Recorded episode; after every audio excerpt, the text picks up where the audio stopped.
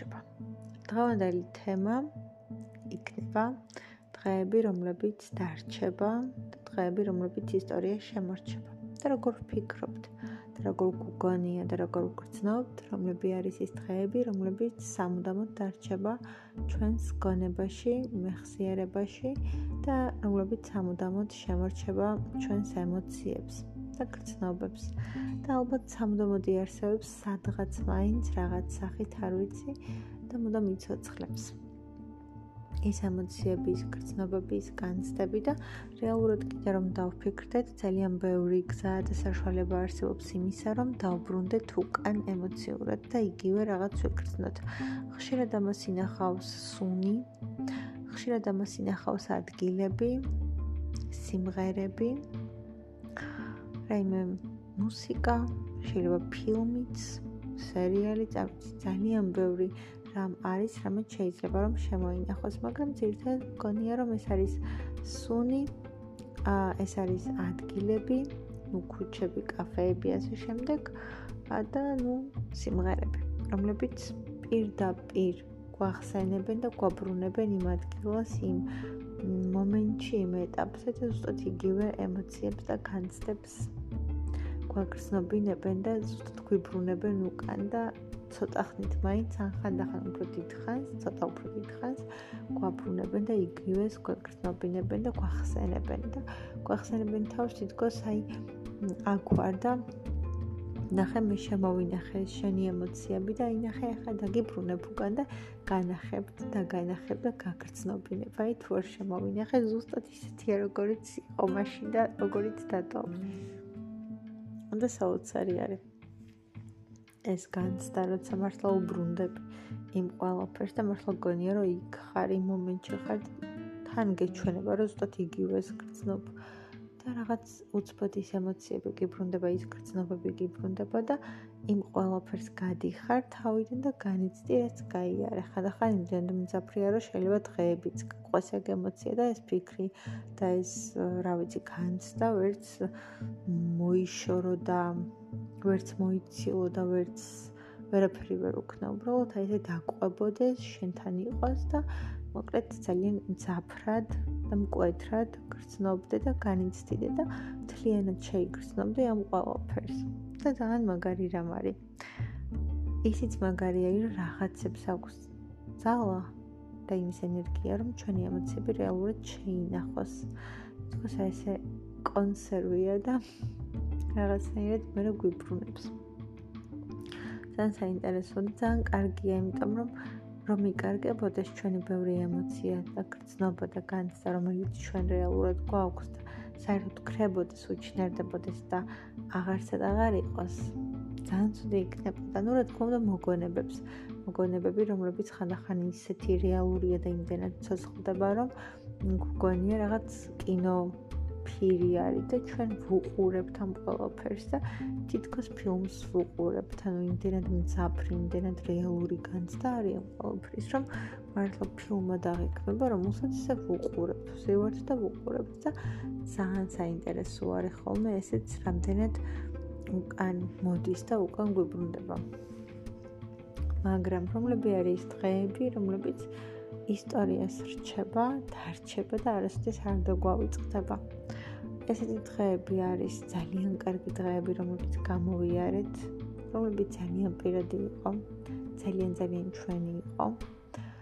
და ხანდახან ესეთი დღეები სამწუხაროდ, სამწუხაროდ არის ძალიან სუდი და ნეგატიური დღეები, რომლებსაც ასევე იმდენად დიდი ძალა და ენერგია აქვთ, რომ სამწუხაროდ ჩვენი გონებიდან ვერ ამოვშლით და რჩებიან. ასევე ძალიან დიდი ემოცია აქვს მარცხს, როცა ჩვენ რაღაცაში მარცხს განვიცდით და აა წარუმატებლობა გვექნება. რაღაცნაირად დავეცემით, წავაგებთ. ეს ემოციებიც და ის მარცხის განცდა ძალიან დიდ ხანს რჩება და ხანდახან სამუდამოდ. ყოველ შემთხვევაში შეიძლება წლები დარჩეს და ვერ დავივიწყოთ და რაღაცოდ ნამსგავს რომ შევეხებით უცბად უცბად ცოცხლდება და ტივტივდება მაგრამ ხანდახან გაკვეთილი და გამოცდილებაა, ხანდახან უძაან ცუში ემოცია და შეგრძნება, მაგრამ ხანდახან რაღაცაში მაინც გშველის. მაგრამ ასევე ძალიან დიდი ენერგია აქვს და სამაგიეროდ რამხელა мотиваცია, წარმატებული დღეები, გამარჯვების დღეები, მიღწევების, როცა ჩვენ ძალიან დიდი წარმატება გვქონდა, ძალიან ბევრი კარგი რამ მოხდა, ესეც სამუდამოდ ინახება, მაგრამ მაინც არსებობს დღეები, რომლებიც სხვანაირი სიტყვოთი ხასიათდებიან. და ცირთად ეს უფრო სიყვარულო დღეებს ეხება, საყვარელ ადამიანთან გატარებულ დროს, მომენტებს, რომლებსაც ვარაფრით ვერც დაივიწყებ და ვერც ამოშლი. და თან ეს ისეთი დღეებია, რომლებიც ძალიან პირადია. ძალიან ძალიან ჩვენია, ძალიან შინაგანია და ყველაზე მნიშვნელოვანია თავისთავად. ნუ ახლა იმას არ ვამბობთ, რომ წარმატების დღეები უნიშნელოა. ან ძალიან დიდი მიღწევების დღეებია უნიშნელო, იმიტომ რომ სამუდამოდ გვამახსოვრდება, მაგრამ მაინც რაღაც მომენტის მერე გადის. თითქოს ყოველდღიური ხდება თითქოს რაღაცა ჩვეულებრივი ხდება მე ის იმ წუთას აქვს ძალიან დიდი ეფექტი და ზეგავლენა და ძალიან დიდი ზემოქმედება ჩვენზე რომ აი რაღაც საოცრება მოხდა და საოცრება გავაკეთეთ. მაგრამ გარკვეული პერიოდის მერე მაინც გვავიწყდება და წარსულში გადაინაცვლებს ხოლმე. მე უკვე სხვა მიღწევები გვიჩნდება. სხვა სწრაფვა ამბიცია სხვა მიღწევებისაკენ სტოვა, რომ იქ წავიდეთ, ის გავაკეთოთ, ის მოვიპოვოთ და შესაბამისად ის რაღაც ძველი იჩრდილება და მთლიანად ორიენტირებული ხდებით იმ ახალზე და ის გვინდა რომ გამოგვივიდეს. რეალურად, ხო, რეალურად არ ვიცი, ეს საინტერესო არის. დღეები, რომლებიც სამუდამოდ რჩება ჩვენ გონებაში, არის ძალიან ძალიან პირადი. პირადი დღეები მგონია ეს პირადი ჩვენი ძალიან შინაგანი ემოციები და ტორტული სიყვარულით საყვარელ ადამიანთან, რომელსაც ვერაფრით ვერ ამოხშლით და აი ეს დღეები განსაკუთრებით რომლებიც არასოდეს დაგვაწყდება და ჩვენს გონებაში მუდამ ცოცხლობს და მუდამ გვახსენდება და მუდამ ტივტივდება ძალიან მნიშვნელოვანია. სხვა შეიძლება ძალიან ბევრი რამის გვეუბნება, რაც უფრო დრო გადის. ეს დღეებიც იცვლება ხო თავისთავად ზოგი დღე უფრო მეტ ფასეულობას იძენს ოქს აკლდება ზოგი პირველობას კარგავს ზოგი ვერ კარგავს ვერასოდეს პირველობას და თუ საკუთარ თავს დავაკვირდებით ეს დაუვიწყარი დღეები რომლებია და ჩვენ გონებას რომელი დღეები შემორჩა და დარჩა როგორც წარუშლელი შთამბეჭდავი დაუვიწყარი და რა ვიცი, ერთადერთი დღე, ასე ვთქვათ, ძალიან მნიშვნელოვანი ინფორმაციას მოგცემს. საკუთარ თავზეც ჩვენთვის რა არის მნიშვნელოვანი? საკუთარ ფასეულობებზეც ალბათ და შეხედულებებზეც. და რატომ არის ეს მნიშვნელოვანი და რა იყო იმ დღეში, ან დღეებში ასეთი განსაკუთრებული, რის გამოც ასეთი საოცარი გახდა? მაგალითად ადამიანს რომელსაც მხოლოდ ის დღეები ახსოვს, როდესაც ძალიან დიდი წარმატება ქონდა და წინსვლა ქონდა და მიღწევების დღეები. მისთვის სავარაუდოდ ძალიან მნიშვნელობა ექნება კარიერას, ხომ ცხოვრებაში წარმატების მიღწევას და შესაბამისად მის მოგონება განსაკუთრებულ დღეებში ჩამოინახა ის დღეები, რომლებიც ძალიან დიდი წარმატების მომტანი იყო, მაგრამ ვიღაცის ცხოვრებაში ეს არის ოჯახთან დაკავშირებული დღეები და თავისთავად მისთვის ოჯახი უპირველეს ადგილას დგას. ვიღაცისთვის საყვარელ ადამიანთან გატარებული მომენტები და დღეები, რომლებიც დაუვიწყარია მისთვის და არაფრით არ შეუძლია რომ წარსულში დატოვოს, ან წარსულში მოიტოვოს და შესაბამისად ამ ეს დღეები არის მისთვის მნიშვნელოვანი, მაგრამ ბედნიერების განცდა ჩემთვის მოაქვს იმას, რომ ასეთი დღეები არსებობს და ასეთი დღე რეალურად არის ძალიან ძალიან ბევრი. და ხანდახან უამრავი, უამრავი და უამრავზე უამრავი და რაც უფრო მეტი გვაქვს ასეთი დღე, რაც უფრო მეტი მომენტი გვაქვს ასეთი, რომ ჩვენი მომენტებში ვიყავით უბედნიერესები, რომ ის დღეები ჩვენთვის იყო უტკბილესი, რომ ის დღეები ჩვენთვის იყო უთბილესი. და რომ იმ დღეებში მთელი ბედნიერება, მთელი სიხარული და მთელი ნეტარება იყო.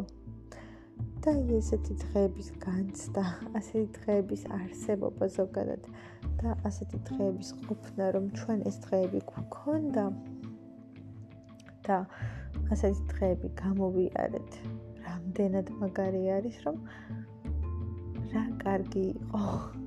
რომ ეს ყველაფერი არსებობდა, ეს რომ არ ყოფილიყო, მაშინ რაფასი ექნებოდა ჩვენს ცხოვრებას, რაფასი ექნებოდა რაიმეს და რამდენად გვაბედნიერებს ეს დღეები? და კიდევ მნიშვნელოვანი არის ის აი ამ დღეების გახსენება ჩვენ რას გვაძლევს? ამ ხანდახან ეს დღეები ყველაფერია ხო?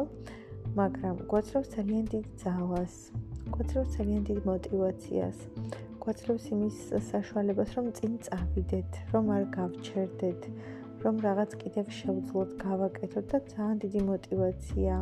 ხანდახან ძალიან დიდი სიხარულის მომტანიარი და ძალიან დიდი ბედნიერების მომტანიარი ასეთი დღეების არსებობა. მაგრამ იმასთან ერთად რომ ასეთი დღეები არსებობდა, ჩნდება იმის განცდა, რომ კიდევ გინდა რომ ასეთი დღეები არსებობდეს, ან კიდევ უფრო უკეთესი. აა ანუ რა თქმა უნდა მერე უკვე იწყება შრომა იმაზე რომ შევქმნათ როგორღაც უკეთესი დღეები, შევქმნათ როგორღაც უფრო მეტი მომენტი და უფრო კარგი რაღაცები მოვახდინოთ ჩვენს ცხოვრებაში, რომ უფრო ბედნიერი, უფრო ლაღი, უფრო მშვიდი დღეები მივიღოთ და გქონდეს. აა რაც ასევე, ну, ძალიან ძალიან კარგია. და ну განსაკუთრებული არის ის რომ ეს დაუვიწყარი დღეები ზუსტად ეს დაუვიწყარი დღეები ქმნის ჩვენს ცხოვრებას.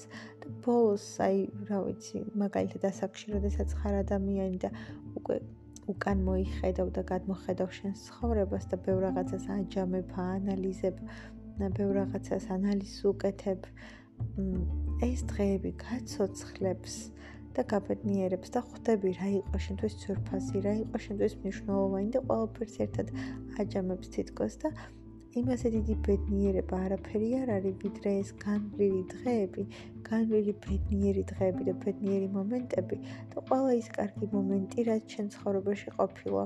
თუნდაც სიკეთე, რომელიც გაუკეთე შენს ნათესავს, შენს მეგობარს, შენს ძალიან ახლობელ ადამიანს, კარგი რამ, რაც მის მიმართ ჩაიდინე, კარგი რაღაც, რაც მას გაუკეთე. სიკეთე, რომელიც გავაკეთეთ, რომელიც დავთესეთ. და დღეები, რომლებიც არაფრით არ გვავიწყდება და ჩვენთვის მნიშვნელოვანია და განსაკუთრებით მართლა აი რაღაც წლების მეერე მეერე რო გადმოხედავ ამ ყველაფერს და ეს ყველა დღე რომ ერთად გაცოცხლდება და ერთად რო დატრიალდება, რამდენი დიდი ბედნიერებაა და რამდენი ბედნიერი ხარ იმით, რაც უფრო მეტი ასეთი დღე იყო და გქონდა და რაც უფრო მეტი გახსენდება და რამდენი ბედნიერი ხარ იმით, რომ შენ ცხოვრებაში ასეთი დღეები შეაგროვე, მოაგროვე და ა ბედნიერება გქონდა, გქონოდა საოცრად თბილი, საოცრად კარგი და სიტკბოს მომტანი დღეები და ის რომ ეს ყველაფერი დღეს გაძლევს ძალას, ენერგიას, გაცოცხლებს, გაძლევს იმის იმედს და იმის შესაძლებლობას, რომ წინ წახვიდე და კიდევ უფრო მეტი გააკეთო, კიდევ უფრო მეტი მოიმდომო, კიდევ უფრო მეტი დაანახო სხვა ადამიანებს და ეს არის ძალიან დიდი სიხარული და ძალიან დიდი ბედნიერება. რომ გვაქვს დღეები, რომლებიც ვიცით, ხვდებით, რომ არის დაუვიწყარი. და წარუშლელი, მაგრამ მეორე კუთხით, როდესაც გარკვეული ეტაპები და მოვლენები სრულდება ჩვენ ცხოვრებაში მაგალითად და ასეთი დღეები რა თქმა უნდა არსებობენ და განაგრძობენ არსებობას ჩვენში და ჩვენს მოგონებებში და ჩვენს გონებაში აი როდესაც ეს დღეები გვახსენდება და ტივტივდება მე არის ძალიან მტკივნეული იმის განცდა და იმის გააზრება რომ ეს ყველაფერი იყო, მოხდა, აღარ არის, აღარ იქნება და რომ ეს ყველაფერი წერსულში დავტოვეთ. და ხანდახან ასეთი დღეების გახსენება ძალიან დიდი ტკივილი, ძალიან დიდი სევდა და ძალიან დიდი მწუხარე ემოციები მოაქვს, იმიტომ რომ იყო, აღარ არის, აღარ იქნება, წარსულში ჩაბარდა ჩვენ იქ ვეღარ დაუბრუნდებით. და მთელი ეს განცდები, რომლებიც ამ დროს ჩვენში ტრიალებს, რომ ეს ყველაფერი იყო და მორჩა ეს ყველაფერი მოხდა და დასრულდა და ეს ყველაფერი აღარ განმეორდება და აღარ გექნება და მით უმეტეს კიდევ უფრო რთული მომენტი არის ის, რომ რაც უფრო ტკბილი იყო ასეთი დღეები და რაც უფრო ტკბილი მომენტებით იყო სავსე და რაც უფრო მეტად ბედნიერები ვიყავით და რაც უფრო კარგად ვიყავით, უფრო მეტად მტკივნეული ხდება. რაც სანსნაურია თითქოს, მაგრამ ასია, რაც უფრო კარგი იყო, რაც უფრო მაგარი იყო და რაც უფრო მეტად ბედნიერები ვიყავით, რაც უფრო ტკბილი და თბილი მომენტები ტრიალებდა იმ მომენტში, იმდენად წუხარე, იმდენად მტკივნეული და იმდენად სევდიანი ამ ყოველფრის გახსენება და რაღაცა ტანჯვაც კი ახავს ხოლმე ხანდახან, იმიტომ რომ რაღაცა გულზე გვხვდება, რაღაცა ცუდად გვხვდის, რომ ეს იყო და შემდეგ ეს დასრულდა. ეს გქონდა და მე ეს გაქრა. ეს არსებობდა და შემდეგ გაუჩინარდა და უცბად, უცბად აღარ გაქეს ყველაფერი უცბად მოაკლდა შენ ცხოვრებას და რამდენიც სევდიანი ემოციების გამომწვევია ის, რომ იყო აღარ არის მორჩა და სრულდა, მაგრამ ნუ გააჩნია ალბათ იმას კიდევ როგორი კუთხით შევხედავთ და როგორ დავინახავთ. თუ ვეცდებით რომ პოზიტიურად შევხედავთ, უფრო მეტად პოზიტიური იქნება ეს ყველაფერი. თუ ესე ნეგატიურად შევხედავთ, მაშინ ძალიან ნეგატივის შემცველი იქნება და მართლა მტანჯველი და მტკივნეული გახდება, მაგრამ რაც არ უნდა იყოს, შეიძლება მოგონებებს ახლდეს სევდიანი ემოციები და სევდიანი განწყობები, ნაღველი მოიტანოს, ძალიან დიდი სევდა მოიტანოს. ეს რაღაცა ტკივილიც ცოტა გულს რო გიჭმუხნავს ეს რაღაცნაირად, მაგრამ იმასე დიდი ბედნიერება მაინც არაფერი არ არის, რომ ესეთი განსაკუთრებული, გასაოცარი და დაუიწყარი დღეები გქონდა და არსებობდა შენ ცხოვრებაში და რომ შენ გქონდა პატივი და გხვდა წელად ის დიდი ბედნიერება, რომ ასეთი დღეები გქონო და გამოგევლო და შეგგროვებინე და რაც უფრო მეტი ასეთი დღე დააგროვე და რაც უფრო მეტი ასეთი დღე გქონდა, თავისთავად უფრო მეტად ტკბილი არის ყველაფერი და უფრო მეტად ბედნიერი ხარ შენ. და შესაბამისად რაც უფრო მეტი ასეთი დღე გვაქვს, ჩვენთვის უფრო კარგია. და ყველას გესურვებთ, რომ რაც შეიძლება მეტი ტკბილი, თბილი და სასიამოვნო ემოციებით გაჟღენთილი და გაჯერებული დღეები გქონოდეთ, რაც შეიძლება მეტი ტკბილი და თბილი მოგონება დააგროვოთ და თქვენს ცხოვრებაში იყოს დაუვიწყარი მოგონებებით სავსე დღეები და ცხოვრება. რომლებიც გაახალისებს და გააფერადებს ყველაფერს.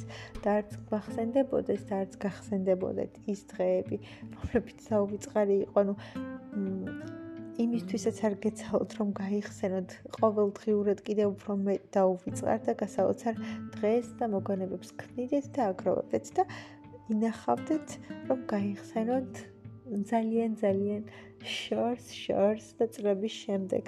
უკვე ღრმა სიბერეში როდესაც რაღაცებს იხსენებ და ტკბები იმ მომენტებით, რომლებიც დააგროვე და თითქოს მხოლოდ იმისთვის აგროვებდი, რომ აი ამ მოხუცებულობის და ღრმასიბერის დროს გაგიხსენებინა და ერთ ანუ ეს ტკბობასავით გაგევლო მთელი ის დღეები, რა კარგი იყო და რა ბედნიერი იყავი და მე უკვე შეგეჯამებინა, ანალიზი გაგეკეთებინა და იმისათვის აგროვებდი, რომ ბოლოს აი შეაჯამო ანალიზი გაუკეთო მართლა და რაღაცნაირად შეაფასო მთელი შენი ცხოვრება, განვლილი დღეები და ის ყველაფერი რაც გამოიარე, როგორც გამოიარე და მთელი შენი ცხოვრება რა იყო, როგორი იყო, რა ღირდა, როგორ ღირდა და რა ფასი ქონდა შენთვის.